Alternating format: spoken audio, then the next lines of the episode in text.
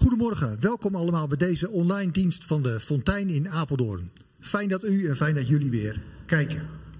Onze voorganger is uh, Sander Ris. Goedemorgen. Goedemorgen Wim. Ik heb begrepen dat je um, stil wil staan bij handelingen 15. Um, en dat wil je koppelen aan missionair zijn en de problemen. Vertel eens. Ja, het is een beetje de harde kant inderdaad van geloven. En is ook wel de harde kant van uh, getuigen zijn. Of missionair gemeente zijn, als je het zo wil zeggen. In ieder geval gaat het over Paulus die een zwerftocht gaat maken. Niet alleen letterlijk door Turkije, maar ook als het ware van binnen in zijn geloof. En wat er allemaal omgaat in zijn ziel en in zijn verbondenheid met God. Dus het is inderdaad een wat meer 40 dagen tijd thema. Wat meer sober. Wat meer nadenken over dat het geloof soms ook echt gewoon super moeilijk kan zijn. Heel goed om ook een realistisch beeld te krijgen van, uh, van missionair zijn. Dat het niet allemaal altijd even goed gaat. Ik heb nog een aantal uh, mededelingen. En de eerste gaat over vanavond. Vanavond is er weer een, uh, een Zoom-café.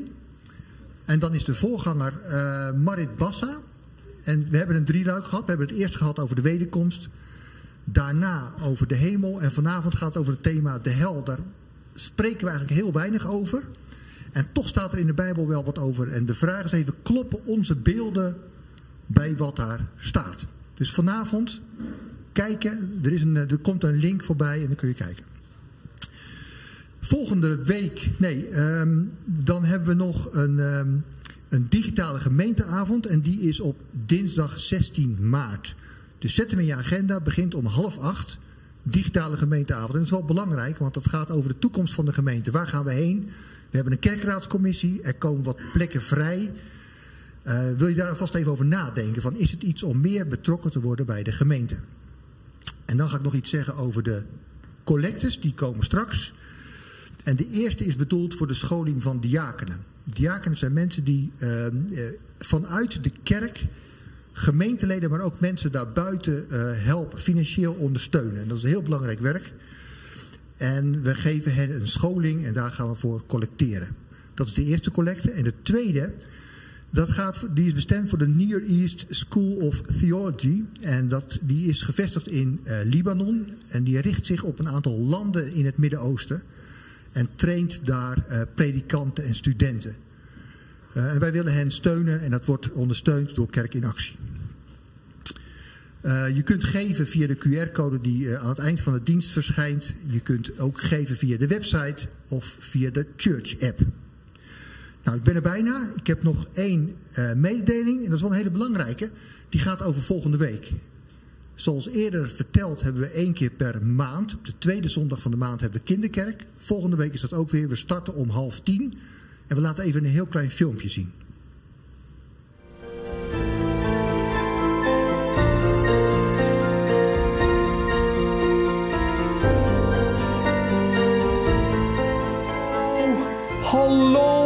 Ho, ho, ho. vandaag gaat het verhaal over dienen. Dienen? Ja, dienen. Uh, kan je uitleggen wat het is? Nou, dat lijkt een beetje op bedienen uit een restaurant of zo. Ja, nou, dienen is dat je eigenlijk tegen de ander zegt: Ik ga iets voor je doen en daar hoef ik niks voor terug te hebben. Niks voor terug te hebben? Niet eens een dankjewel. Nee, dat hoeft niet. Dan zeg je tegen de ander: Ik vind jou zo belangrijk, zo waardevol. Ik ga iets voor jou doen, omdat ik van je hou.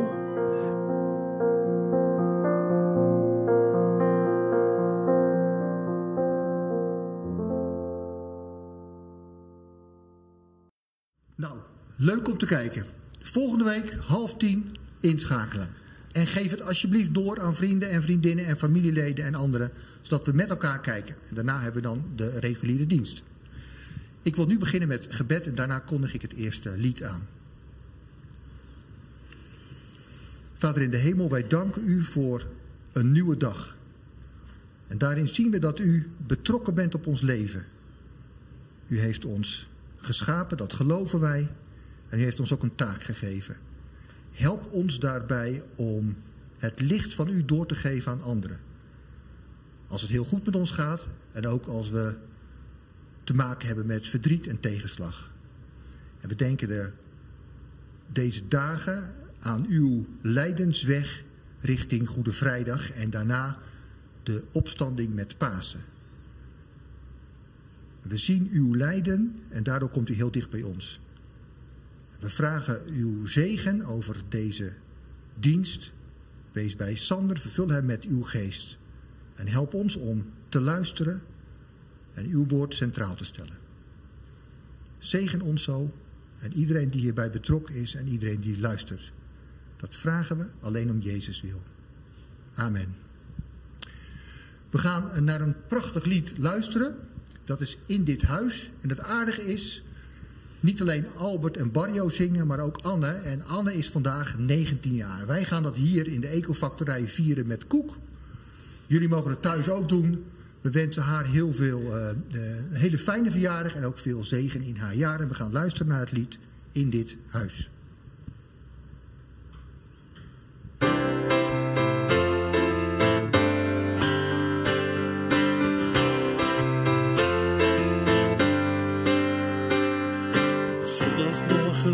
We mogen naar uw huis. Een plek van rust, uw woord centraal, daar voelen wij ons thuis. In vrijheid mogen zingen, hoe heerlijk is uw naam. Jong en oud zijn hier verenigd, we komen hier te samen.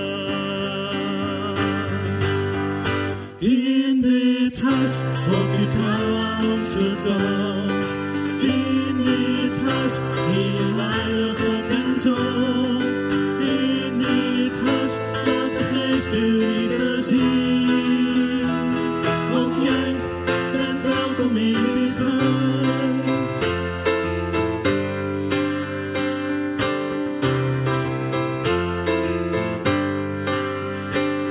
We voelen ons betrokken en staan altijd voor je klaar. Je mag hier zijn zoals je bent, elkaar. Al zit je soms vol twijfel, is geloof iets voor jou. Kom, ga maar eens zitten, God houdt ook van jou. In dit huis wordt u trouw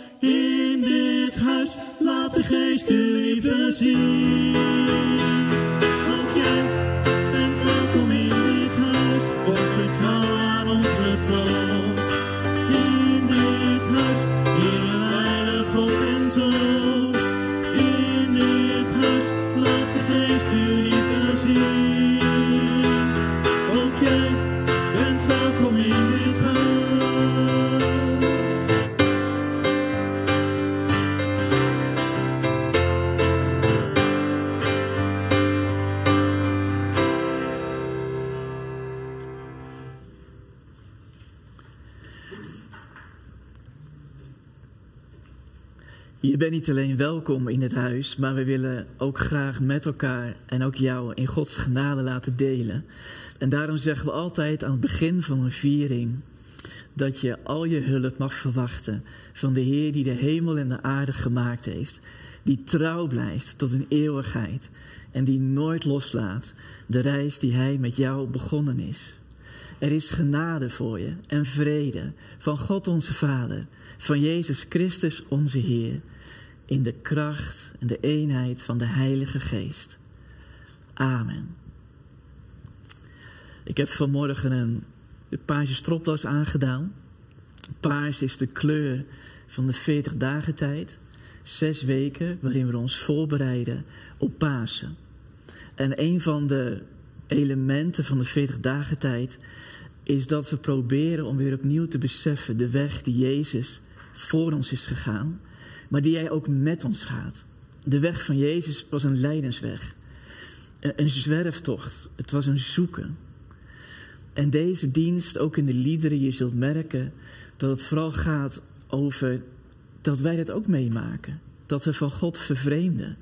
Dat we ons aan de ene kant gelovig voelen, maar soms ook gewoon niet gelovig of ongelovig. Een christen, een atheïst, allerlei vragen met ons meedragen die niet beantwoord worden.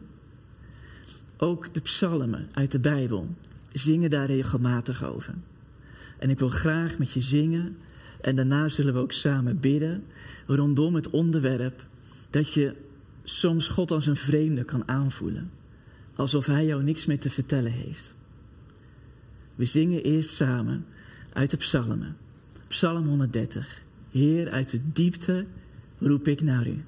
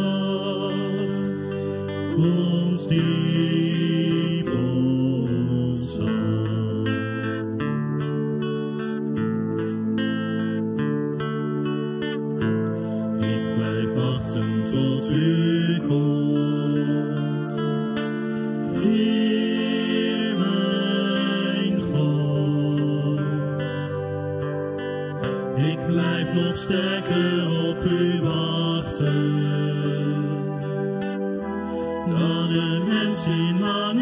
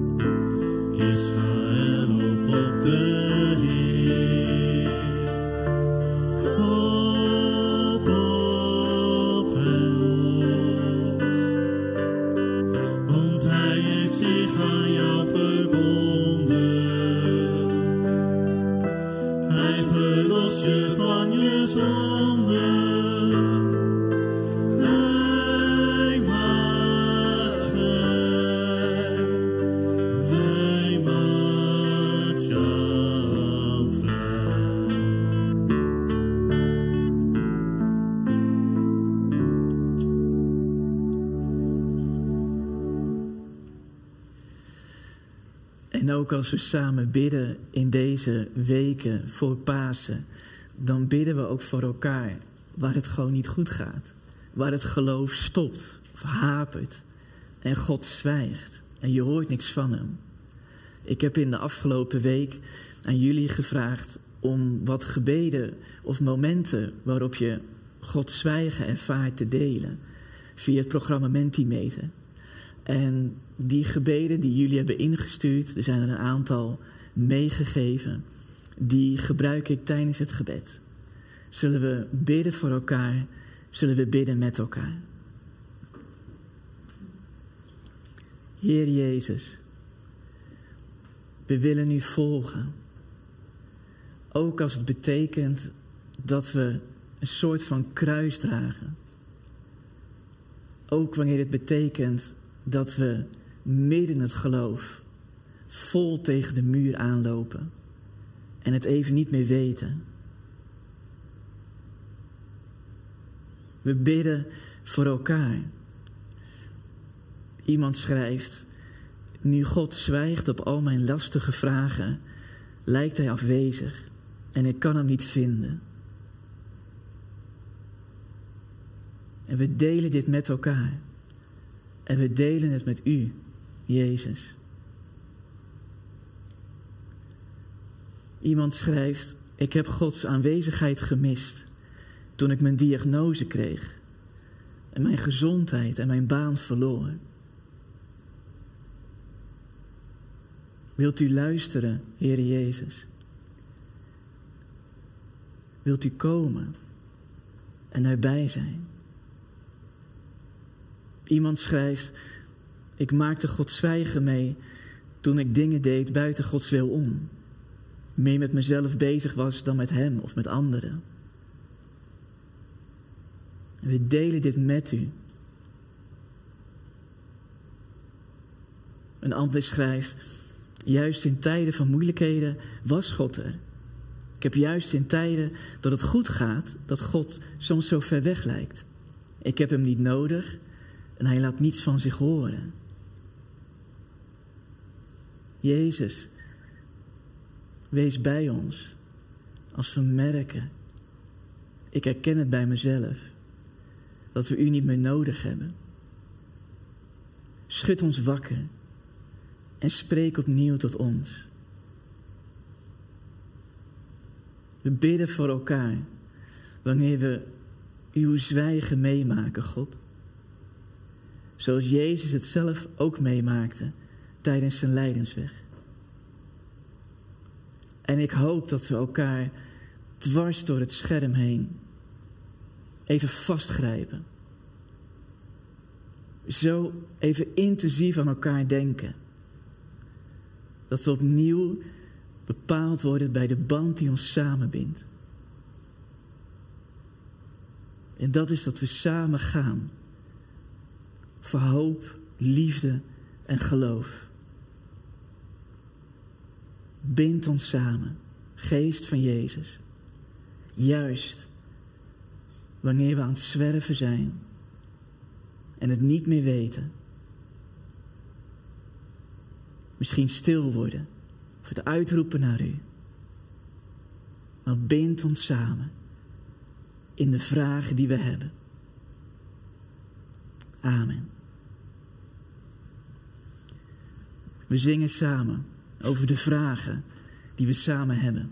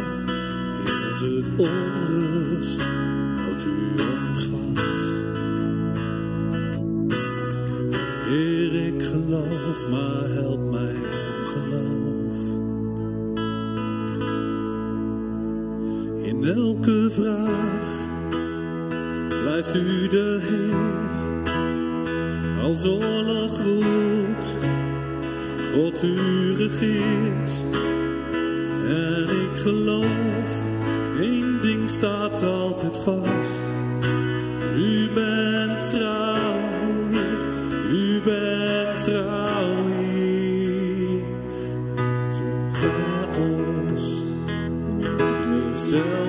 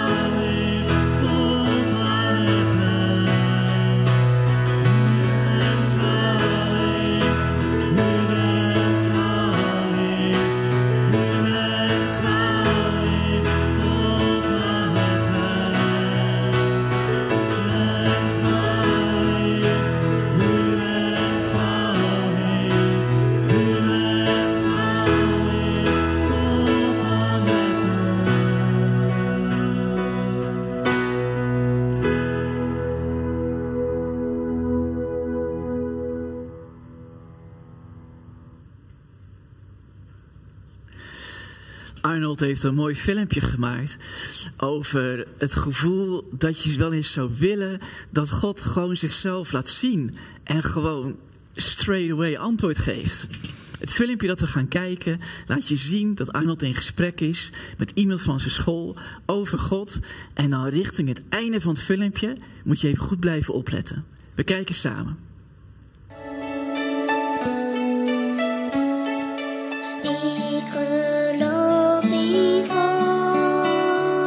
God. In een God als een persoon die de wereld bestuurt of zo. Of die boven de wereld één opperwezen wat ons Ja. allemaal. Nee, niet in één God als één opperwezen. Want waarom hebben dan zoveel mensen ziektes, problemen? En dan zou die toch voor je zorgen, zou je aannemen, als er één God is. Ja. Maar je gelooft bijvoorbeeld, het is allemaal zo uniek de wereld. Hè? Het is allemaal zo. Is dat allemaal toeval bijvoorbeeld? Of zou er een schepper zijn, een creator, een, een maker?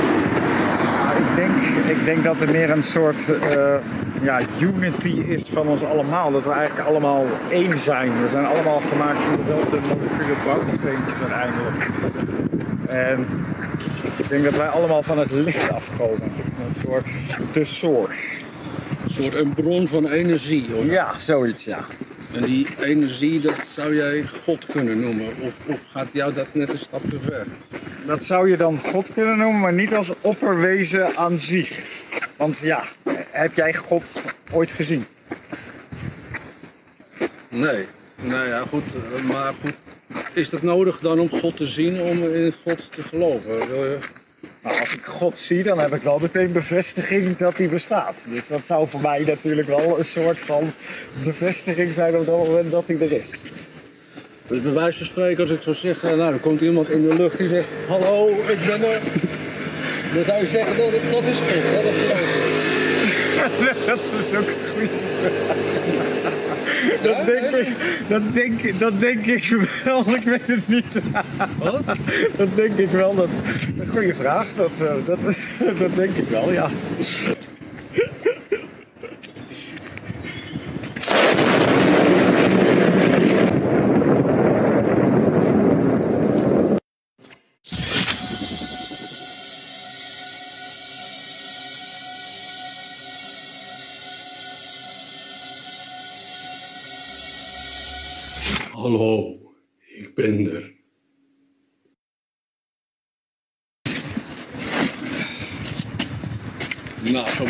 Ook weer niet om iemand te overtuigen.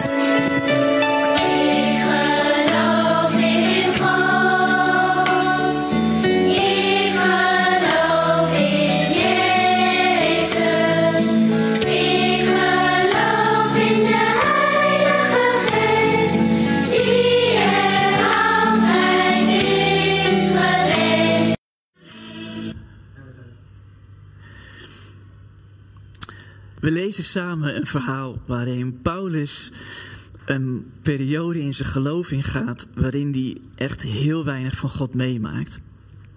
En we lezen samen uit Handelingen 15 vanaf vers 36 en dan lezen we ook nog de eerste 10 versen van Handelingen 16. Paulus en Barnabas krijgen ruzie. Kort daarna zei Paulus tegen Barnabas: Laten we teruggaan naar de steden waar we het goede nieuws over Jezus verteld hebben. Dan kunnen we zien hoe het gaat met de christenen daar. Barnabas wilde ook Jezus Mark- Johannes Marcus weer meenemen, maar Paulus wilde dat niet. Want op hun vorige reis had Johannes Marcus hen in de steek gelaten. Hij was in Pamphylië naar huis gegaan. Paulus en Barnabas kregen hierover zo'n ruzie dat ze uit elkaar gingen. Barnabas vertrok naar Cyprus samen met Johannes Marcus. Paulus koos Silas uit om met hem mee te gaan. De christenen in Antiochië vroegen aan God of hij goed wilde zijn voor Paulus en Silas. Daarna gingen Paulus en Silas op weg. Ze reisden door Syrië en Sicilië en ze steunden de kerken daar. Paulus en Silas gingen naar de steden Derbe en Lystra. In Lystra woonde een christen die Timotheus heette. Zijn moeder was een Joodse vrouw die christen geworden was. Maar zijn vader was geen Jood en daarom was Timotheus niet besneden. De gelovigen in Lystra en in Iconium hadden veel respect voor Timotheus. Paulus wilde Timotheus meenemen op zijn reis, maar hij liet hem eerst besnijden, want er woonden veel Joden in de plaatsen waar hij heen wilde. En zij wisten allemaal dat Timotheus niet besneden was, omdat zijn vader niet Joods was. Op reis langs de steden vertelde Paulus wat de apostelen en leiders in Jeruzalem besloten hadden. Hij zei dat iedereen zich aan die besluiten moest houden. Het geloof van de christenen werd steeds sterker en elke dag kwamen er nieuwe gelovigen bij. Paulus, Silas en Timotheus wilden het goede nieuws over Jezus ook in Azië gaan vertellen. Maar de Heilige Geest hield hen tegen. Daarom bleven ze door Frigië en Galatië reizen. Bij de grens van het gebied, gebied wilden ze naar Bithynië in het noorden gaan. Maar de geest van Jezus verbood ook dat. Daarom reisden ze verder door Mysië tot ze bij de stad Troas kwamen. In Troas kreeg Paulus 's nachts een droom. En in die droom zag hij een man uit Macedonië staan. De man smeekte, steek de zee over naar Macedonië en kom ons helpen. Na die droom probeerden Paulus en zijn vrienden meteen naar Macedonië te gaan, want ze begrepen dat God dat wilde. Hij had hen uitgekozen om daar het goede nieuws over Jezus te gaan vertellen.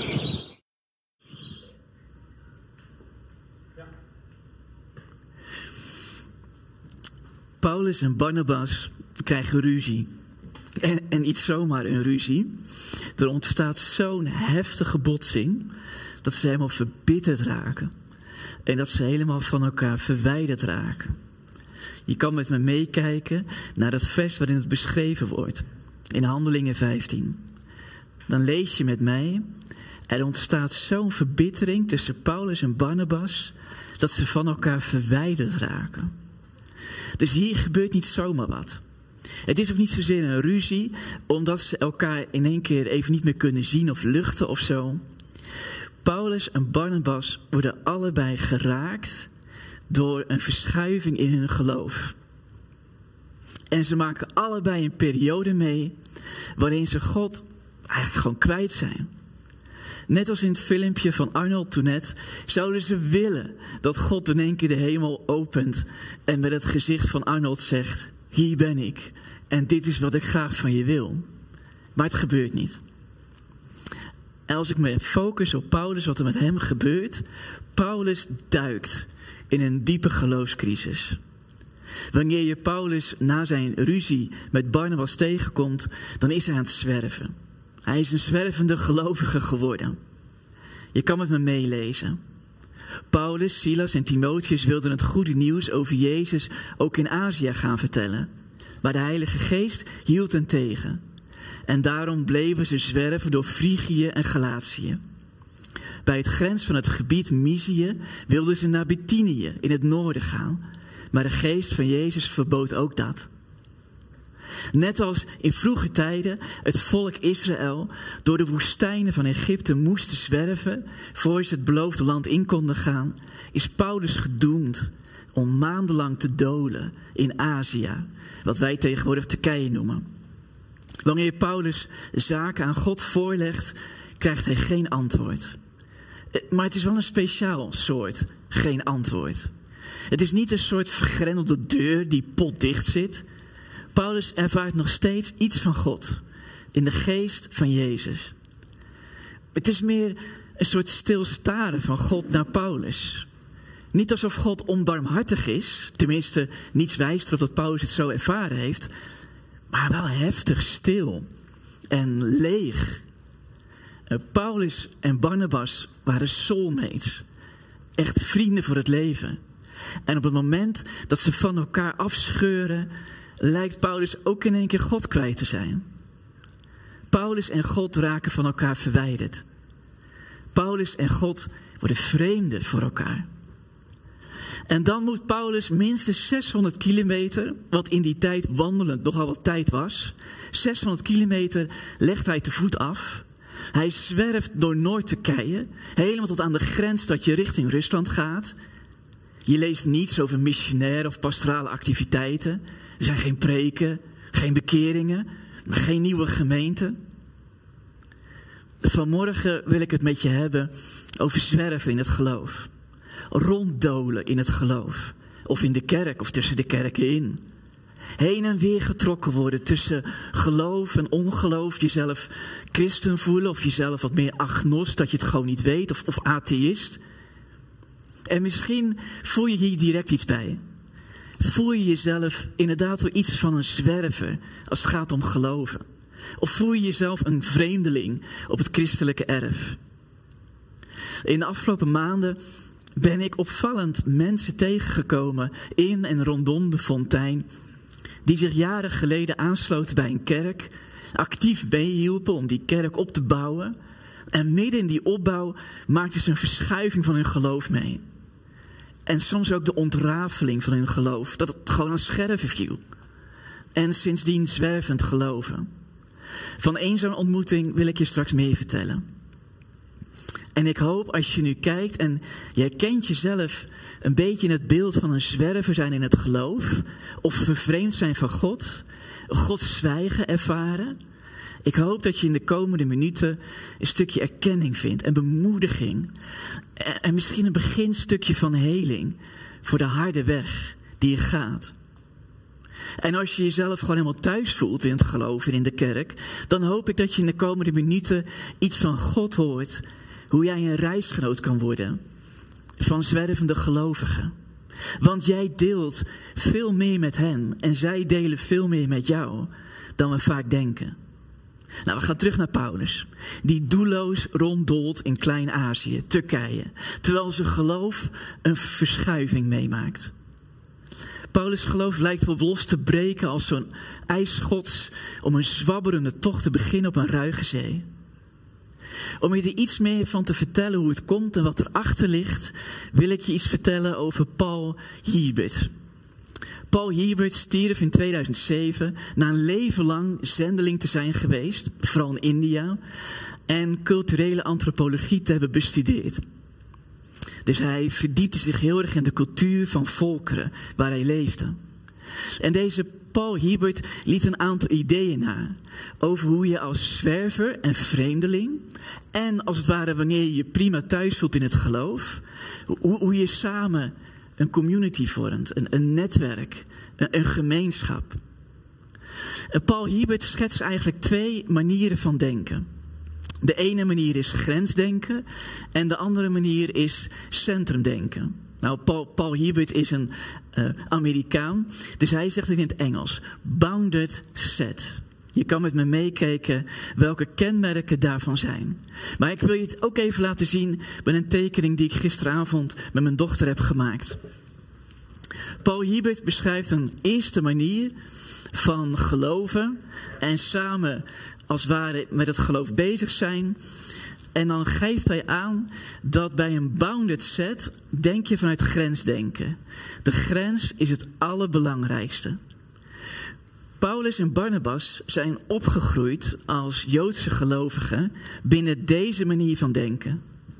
De grens is het onderscheid of je bij het volk van God hoort of dat je buiten het volk van God staat. Nou, je ziet binnenin ben je onderdeel van het verbond met God. Het verbond met God werd met jou gesloten. Zo zijn Paulus en Barnabas opgegroeid wanneer je besneden wordt. Een Joods ritueel waarin er een kenmerk wordt gemaakt met een, met een mesje in je geslachtsdeel. Dan ging je als het ware over de grens wanneer je dat ritueel doormaakte. Wij zouden zeggen wanneer je bekeerd raakt of wanneer je gedoopt wordt. En dan was je onderdeel van Gods volk. Eh, Paul Hiebert beschrijft dat het heel erg te maken heeft met denken in lidmaatschap. Je bent lid van Gods volk of lid van een kerk, nou, of niet. In deze manier van denken zit er niet zoveel ruimte tussen buiten of binnen zijn. Je bent of buiten eh, of je bent binnen. En het is ook een wat meer statisch geheel. Paulus en Barnabas zijn opgegroeid met het Joodse geloof dat als je eenmaal onderdeel bent van het verbond, wanneer je eenmaal besneden bent, ja, dat, dat is gewoon voor je leven lang. Als je daaruit wil stappen, dan zou je echt moeten breken met alles wat je hebt. Met je hele leven, met je familie. Dan zou je echt alles achter je moeten laten. Het zou min of meer op een soort suïcide lijken. Je zou echt alles verliezen. Nou, binnen dit manier van denken, beschrijft deze Paul Hiebert, is het belangrijk dat je als je binnen bent, dan ben je zeker van je geloof. En je vormt ook samen echt een soort uniformiteit. Je trekt als het ware hetzelfde uniform aan. Paulus en Barnabas zijn opgegroeid in een Joods geloof waarin je je samenhoudt aan de wet van Mozes. In dit model zijn regels belangrijk om de grens te handhaven. Wanneer je de wet van Mozes volgt, ben je onderdeel van Gods volk, ben je lid. Wanneer je de wet van Mozes niet volgt, ben je daarbuiten en verloren. Het gaat in dit model dus ook erg over uiterlijkheid en, en vorm. Het gaat over je gedrag. Deze manier van denken, eh, deze manier van geloven, gaat er eigenlijk over tot welke categorie behoor jij? In, in welk hokje zit jij? En een van de grootste taken die je hebt wanneer je als gelovige je binnenzet, is het bewaken, het handhaven van de grens. Zo zijn Paulus en Barnabas opgevoed en getraind in de Torah en in de profeten en in de geschriften van het Joodse geloof. En wanneer ze allebei Jezus ontmoeten, begint hun geloof bij hen allebei te verschuiven. En de reden dat hun geloof begint te verschuiven, is uiteindelijk ook de reden dat ze een enorme ruzie krijgen en helemaal van elkaar verwijderd raken. Paul Hiebert zegt dat je ook op een andere manier kan geloven en samen een gemeenschap kan vormen. Dit noemt Paul Hiebert een centered set. Het, is, het gaat niet meer over een grens, het gaat over een centrum. Je ziet, de grens is hier verdwenen. En iedereen heeft een bepaalde houding of verbondenheid met de grens. Paul Hiebert zegt, als je zo kijkt naar geloven en samen optrekken, dan vraag je je af wie welke beweging maakt ten opzichte van de kern. Paulus en Barnabas leren Jezus kennen als het centrum. En heel specifiek het kruis van Jezus, zijn sterven en zijn opstanding. Uh, Paulus schrijft erover, en je kan het me meelezen, in Galaten 2. Dan zegt hij, het gaat mij vanaf nu om één te worden met Christus. Met hem te sterven, met hem op te staan uit de dood. Het is een soort mysterie. Het wordt een kern. En Paulus ziet vervolgens dat eigenlijk iedereen wel met die kern te maken heeft. Sommige mensen die richten zich op die kern. die zijn er naar op weg. Eh, De ene is er wat harder naar op weg. De ander heeft nog wat meer kilometers te gaan. Maar ze vormen allemaal onderdeel van mensen die zich bewegen rondom de kern. Andere mensen bewegen zich meer van de kern af. Ook mensen die heel dicht bij de kern staan, kunnen zich er wel vanaf aan het bewegen zijn. Omdat ze op de een of andere manier er minder mee hebben of een periode ingaan waarin ze er minder mee kunnen. En, en mensen van buiten, die wat meer verder afstaan, die zijn er misschien juist heel erg mee bezig en mee aan het zoeken. Nou, deze manier van denken over het mysterie van Jezus en de verbondenheid die iedereen daar ergens wel mee heeft, maar dan op een andere beweegmanier, die is bij Paulus en trouwens ook bij Barnabas heel erg gaan groeien. Paulus beschrijft in de Galatenbrief, en ik citeer je uit de Galatenbrief, omdat de Galatenbrief is geschreven in deze tijd van zwerftochten van Paulus, dat Paulus veel meer vrijheid ervaart en veel meer dynamiek. Hij beschrijft dan over de geest van Jezus. En dat geeft hem een nieuwe manier van kijken. Paulus ziet ook veel meer diversiteit in het geheel. Er zijn meerdere manieren om bezig te zijn met de kern. En Paulus en Barnabas zijn eigenlijk bezig om een manier van kerk zijn op te zetten. Een manier van volgelingen van Jezus zijn die veel meer open is en veel meer dynamisch is.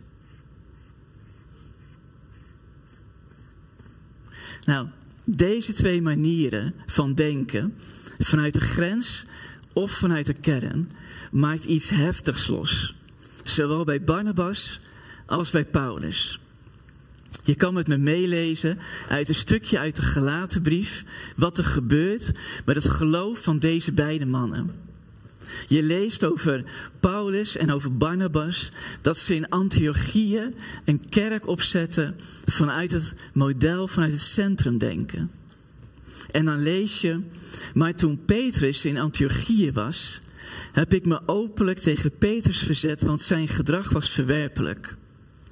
Hij at altijd met de heidenen, maar toen er gezanten van Jacobus kwamen, trok hij zich terug en grensde hij zich af. Uit angst voor de voorstanders van de besnijdenis. De andere Joden deden met hem mee en zelfs Barnabas liet zich meeslepen door een huichelarij. Wat je hier ziet gebeuren is dat Paulus en Barnabas in Antiochië proberen vanuit het centrum te denken. En vanuit het centrum te gelovigen, te geloven en met andere mensen bezig te zijn.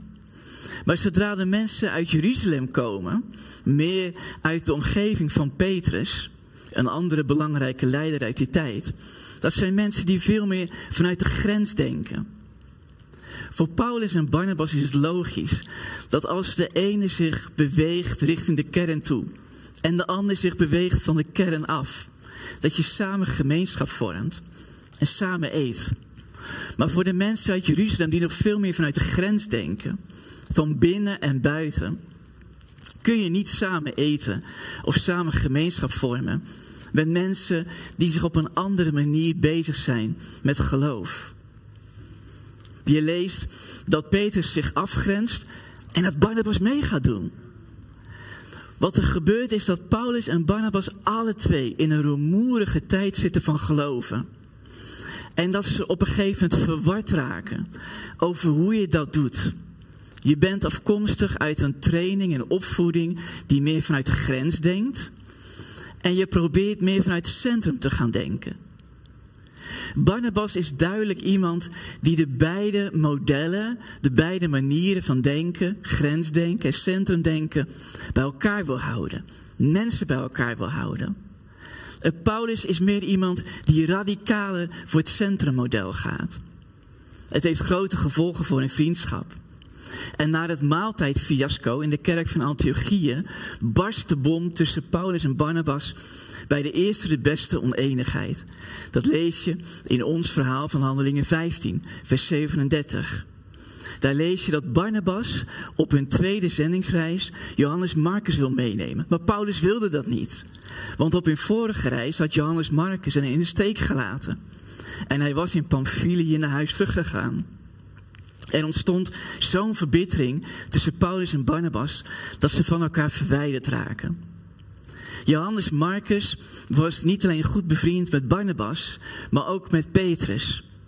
Oftewel meer vanuit de hoek van gelovigen die meer vanuit het grensdenken komen en daarmee bezig zijn. Paulus vertrouwt eigenlijk Barnabas niet meer. Hij vertrouwt ook deze Johannes niet meer. Barnabas voelt zich verraden. En dan scheuren ze van elkaar af. En op het moment dat dit gebeurt, staat Paulus' geloof binnen de kortste keren op losse schroeven.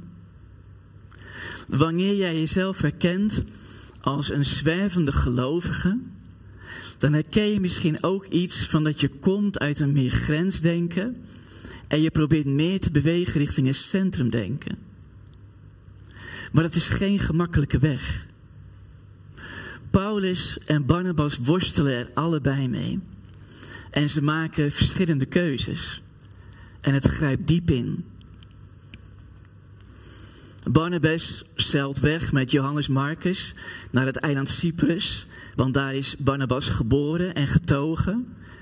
Paulus trekt Turkije in om de jonge kerkjes daar opnieuw te bezoeken en te versterken. Paulus bouwt een nieuw missionair team om zich heen met Silas en met Timotheus. Beide jonge mannen met een Romeins paspoort. Dus voor Paulus minder belast met het fundamentele grensdenken waar Paulus van af wil bewegen. Maar nauwelijks is Paulus erop uitgetrokken met het nieuwe team om zich heen en hij valt in het zwarte gat. Nou, nu even over onze tijd. In de afgelopen week heb ik Thomas leren kennen. Hij is via Machteld zijdelings betrokken bij ons als fontein. Houd bewust afstand van het geloof en van God. Ik denk dat je hem een zwervende gelovige kan noemen. Als ik denk vanuit het model van de grens, dan hoort hij er gewoon niet bij. Maar als ik denk vanuit het centrum, dan is hij een andere beweging aan het maken. Die ik wennen vind, maar waarvan ik tegelijkertijd ook veel herken. Acht jaar geleden nog was Thomas evangelist onder studenten. En je kan het geloof van Thomas toen goed plaatsen in dat grensdenken, dat binnen en buiten. Thomas beschrijft zijn geloven van toen als wettisch. Regels naleven was het belangrijkste. Als een heilig moeten. Thomas moest van zijn geloof een goede man zijn, een goede zoon, altijd vriendelijk en gastvrij, van alle mensen houden, altijd bereid zijn om naar Afrika te vertrekken als God het van hem zou vragen, altijd uit je comfortzone stappen, de Bijbel zo letterlijk mogelijk nemen en zoveel mogelijk studenten van overtuigen dat ze zich moeten bekeren om binnen te komen in het enige juiste geloof. Maar de weg van Thomas ging steeds meer lijken op de weg van Paulus. Want ook voor Thomas voelde het grensdenken op een gegeven moment als een morbide wedloop. Hij moest steeds meer. Thomas raakte zich frustreerd met, met al zijn inspanningen, want studenten kwamen niet tot bekering. Hij werd cynisch en op een gegeven moment, net als Paulus, viel hij helemaal stil en hij trok het niet meer. Uh, Paulus' zwerftochten vonden plaats in Klein-Azië. Thomas' zwerftocht vond plaats op de vierkante meter van zijn slaapkamer. Hij vertelt daarover. Ik ging in mijn computerkamer zitten en ik bleef daar zitten. Met niemand had ik contact.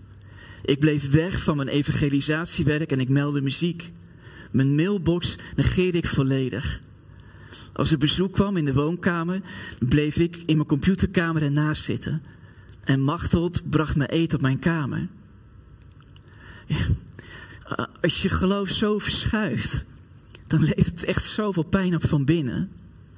Uh, voor Thomas werd de Bijbel een bron van, van angst.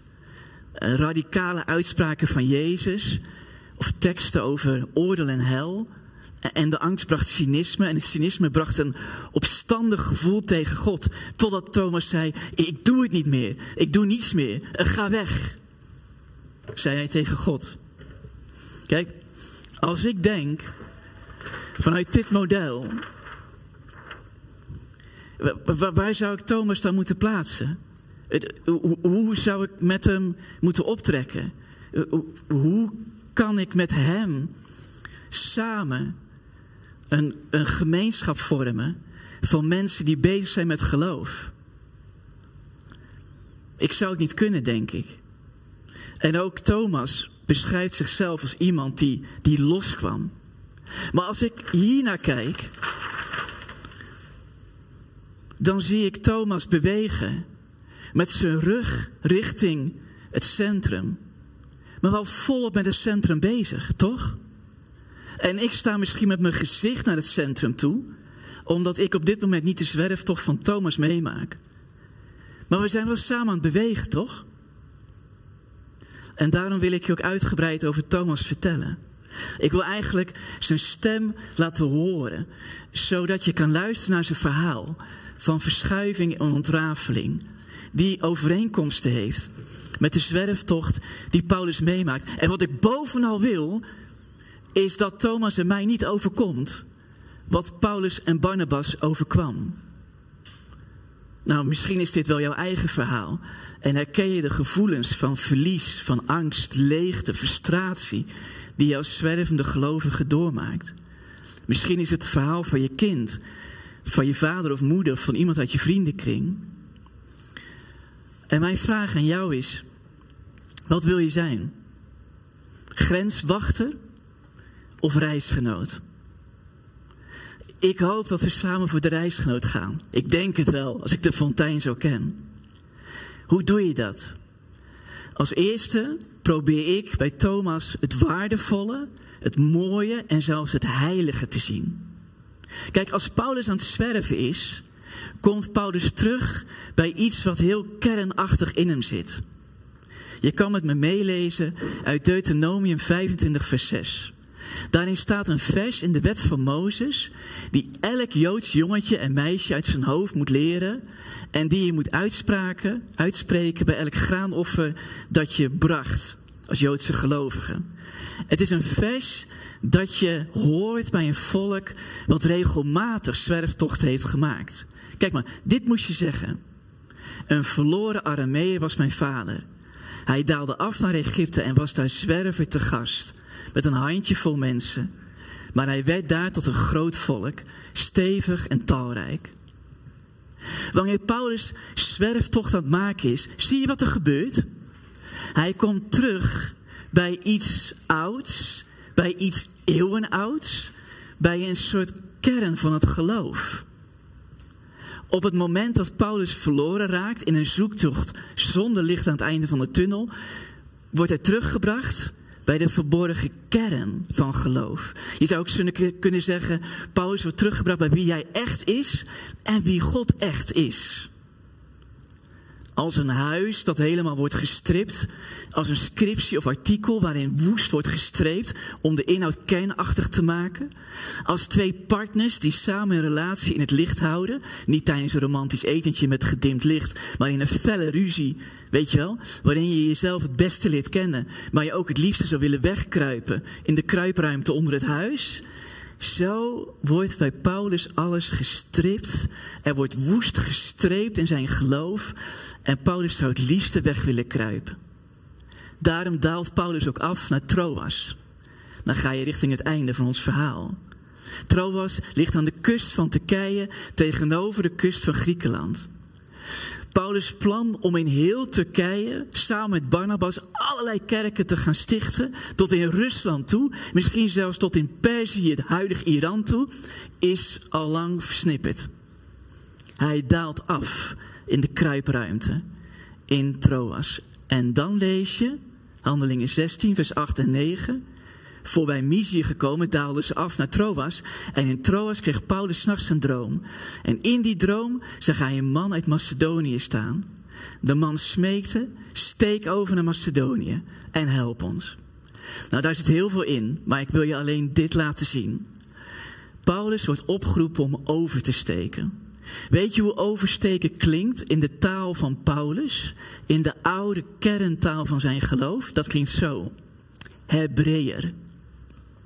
Hebreeër, dat betekent in die tijd oversteken. En misschien herken je dat woord wel. Hebreeër is het oudste naam die gegeven wordt voor een gelovige. Een Hebreeër is een oversteken.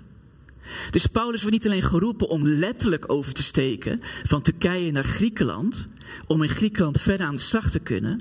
Paulus wordt ook figuurlijk gezien, maar ja, het is wel heel realistisch, opgeroepen om over te steken naar zichzelf en naar God, zoals ze werkelijk allebei in elkaar steken. Hij wordt geroepen om het harde, pijnlijke, verwarrende werk te doen. Van in je zwerftocht terug proberen te komen naar de kern. Thomas werd geholpen door twee auteurs, Reinier Sonneveld en Rob Bell, om terug te komen naar iets van een kern van zichzelf en het geloof zoals het misschien wel echt is. De schrijver Rob Bell, die Thomas las, leerde Thomas bijvoorbeeld opnieuw te kijken naar de Bijbel. En dan niet naar de Bijbel die een claim legt op de waarheid, een grens creëert en daarmee bij Thomas een hoop angst en het gevoel dat God een veroordelende goed is. Thomas vertelt erover, nu ik nu de Bijbel niet meer hoef te lezen als dit is de enige waarheid, kan ik de Bijbel soort van loslaten. Als ik mijn godsbeeld van een veroordelende God los kan laten. En ik zou de Bijbel kunnen lezen zonder veroordeling voor mezelf. Dan zou ik best geïnteresseerd zijn in de Bijbel. Zie je hoe dat gaat? Loslaten en daardoor juist terugkomen bij iets van het geloof wat kernachtig is. Thomas vertelt, afstand houden van de Bijbel en het geloof maakt me ontspannen. Ik voel geen druk meer van de dingen die ik zou moeten doen. Ik denk dat ik nog steeds in God geloof. Ik durf alleen geen uitspraken meer over te doen. Ik durf er geen, moet ik verbeteren, ik durf er geen scherpe uitspraken meer over te doen. Zekere uitspraken.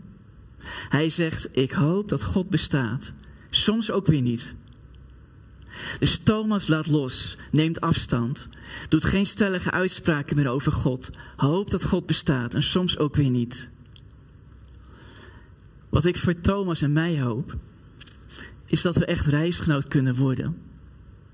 Want zijn zwerftocht is regelmatig ook de mijne. Of gaat vast nog in de komende jaren ook de mijne worden. En ik hoop dat we samen als fontein, waarbij velen van ons die verschuiving aan het maken zijn, van grensdenken naar centrumdenken, ik hoop dat we samen dat netwerk van ons, die vriendschap tussen ons in, die verbondenheid die we samen hebben, dat die versterkt wordt. Wanneer we samen verder nadenken over hoe we reisgenoot kunnen zijn van elkaar. Amen. En voordat we samen gaan zingen, zou ik eerst graag willen bidden. Even een kort gebed, als je het goed vindt. Zullen we samen even, welke manier je ook gewend bent, bidden? Jezus, als u de kern bent en als het kruis, uw lijdensweg, waarop u God ook kwijtraakte, als u de kern bent, bind ons dan samen als reisgenoten. Ik bid u ook dat u ons de goede woorden geeft. Ik merk aan mezelf dat ik nog zo kan praten over de zwerftocht van een ander. Dat het alsnog erop lijkt alsof ik verder zou zijn. Of anders zou zijn. Wilt u me daarin vergeven, ook als ik het toen net heb gedaan in de preek? Wilt u ons zo'n taal geven en zo'n vriendschap met elkaar. Dat we samen in beweging blijven en u volgen. Of we nu zwerven of het gevoel hebben om thuis te zijn. Wees ons centrum. Van ons allemaal. Amen.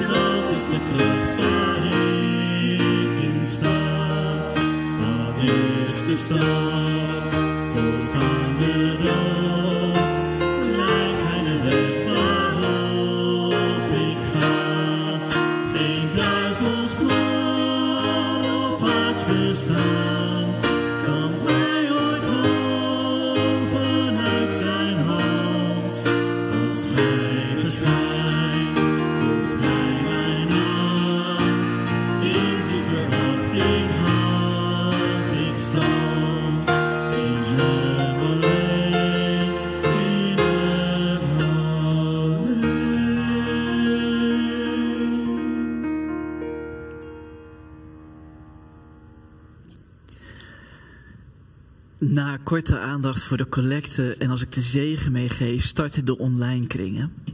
En je kan met me meekijken naar de slide. Ik heb een aantal vragen neergezet over de zwerver. En misschien wil je dat op je online kring letterlijk interpreteren. Dat je met elkaar eens nadenkt hoe we in deze 40 dagen tijd aandacht geven aan asielzoekers, vluchtelingen. Misschien ken je ze niet, ik ken ze wel. Geef gerust aan als je een keer een reisgenoot zou willen zijn van iemand die anno 2021 letterlijk aan het zwerven is. Maar misschien wil je het straks op de online kring ook wel hebben over de figuurlijke betekenis, de geloofsbetekenis van zwerven zijn en waar ik over heb verteld in de preek. Er is even extra aandacht voor de collecte, de diaconale collecte, die zie je nu in het scherm komen.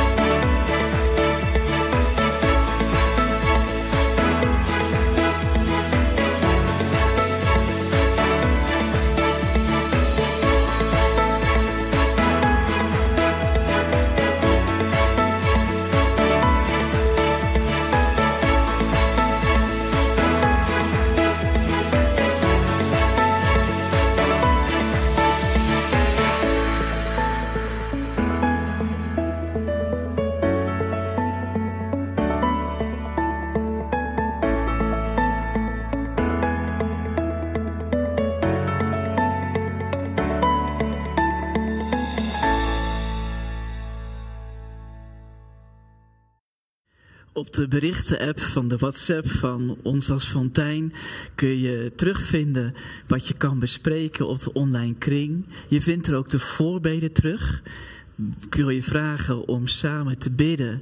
Niet alleen voor elkaar tijdens de online kring, maar ook voor deze voorbeden. Die vind je straks ook terug op onze berichten-app. Wil je bidden dankend voor Anne, die vandaag 19 jaar is geworden. En misschien gaat het niet zozeer om Anne, maar wel om best wat jongeren bij ons in de fontein, die echt ongelooflijk veel werk doen. Je mag gerust voor ze danken en voor ze bidden. We willen samen bidden voor Clara, voor haar gezin. Nu Bob overleden is, laten we haar ook aan haar denken. En er is ook punten doorgegeven door Siska. Een dankpunt dat de oma van Siska vandaag 100 jaar is geworden. En het gebedspunt, de schoonzus van Siska, die binnenkort wordt geopereerd aan een tumor in haar long. Deze punten vind je ook op de WhatsApp-groep. Wil je daar samen even naar kijken en die meenemen? En dan mag ik je zo de zegen meegeven. Dankjewel voor het kijken. Dankjewel voor mijn stotterende verhaal wanneer het gaat over zwerftochten. Want ik vind het best moeilijk om daar woorden aan te geven. Zodat ik genoeg respect voor je toon en erkenning wanneer je in een zwerftocht zit. Daarom duurt het ook wat langer. Maar dank voor je geduld. Zullen we samen de zegen van de Heer met ons meenemen? De liefde van de Vader en de genade van de Heer Jezus en de innige nabijheid van de Heilige Geest is en blijven met jullie allemaal. Amen.